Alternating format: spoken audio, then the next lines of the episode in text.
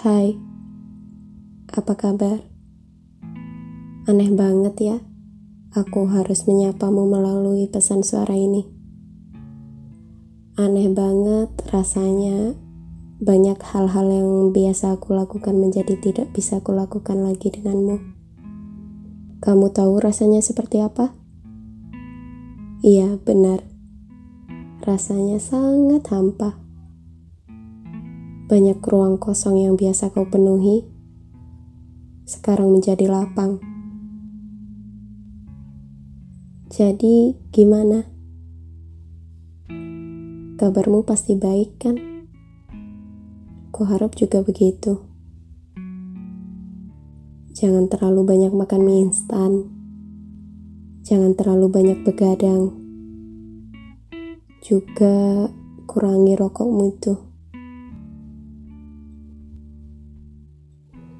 Sekarang sudah musim hujan. Biasanya selepas hujan reda, kita sering beli kebab kan? Dan juga minum jus. Kamu masih ingat jus kesukaanku? Yap, jus nanas. Kulihat kamu jauh lebih baik semenjak saat itu. Dan kalau kamu tanya aku baik-baik saja atau tidak, aku baik. Tapi sayangnya tidak sebaik saat bersamamu. Tapi bagaimana lagi? Masih banyak hari yang harus kulewati. Meski aku sudah banyak kehilangan harapan, termasuk juga kehilanganmu. Bagaimana kabar ibu? Semoga beliau semakin membaik. Karena jika beliau membaik, bisa kupastikan kamu pun baik.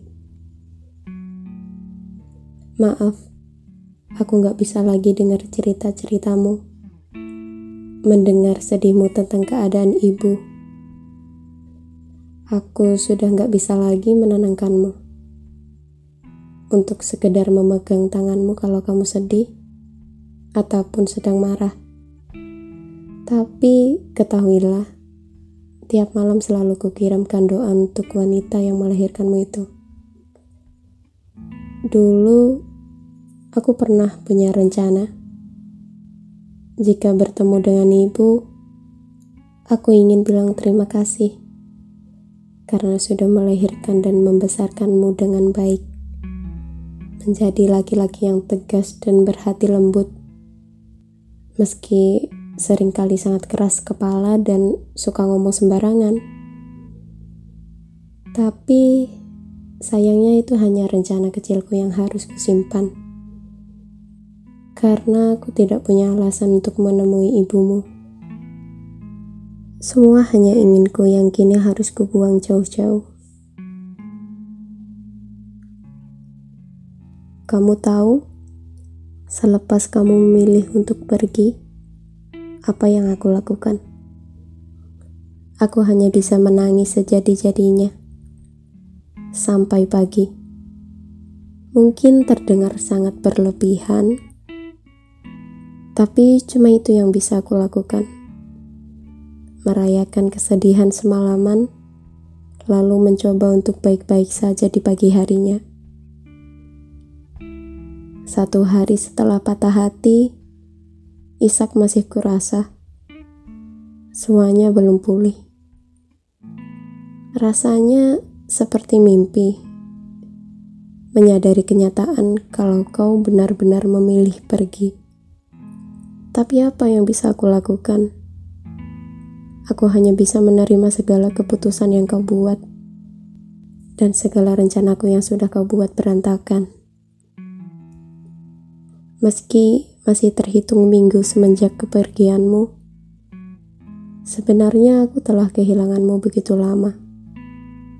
Perubahan yang kurasa ternyata bukan hanya sekedar firasat. Mungkin itu sebuah isyarat kalau memang hatimu sudah tidak ada bersamaku. Entah di masa lalumu atau jatuh pada orang baru. Harusnya kamu bisa pergi lebih awal Sebab dengan begitu, tidak terlalu banyak air mata yang kuperlukan. Karena seharusnya kamu tahu, yang kubutuhkan adalah kasih sayang, bukan rasa kasihan. Dan untuk saat ini, terima kasih untuk keputusanmu yang membuatku sadar bahwa kamu bukanlah rumah untuk tempat kembali, tempat untuk pulang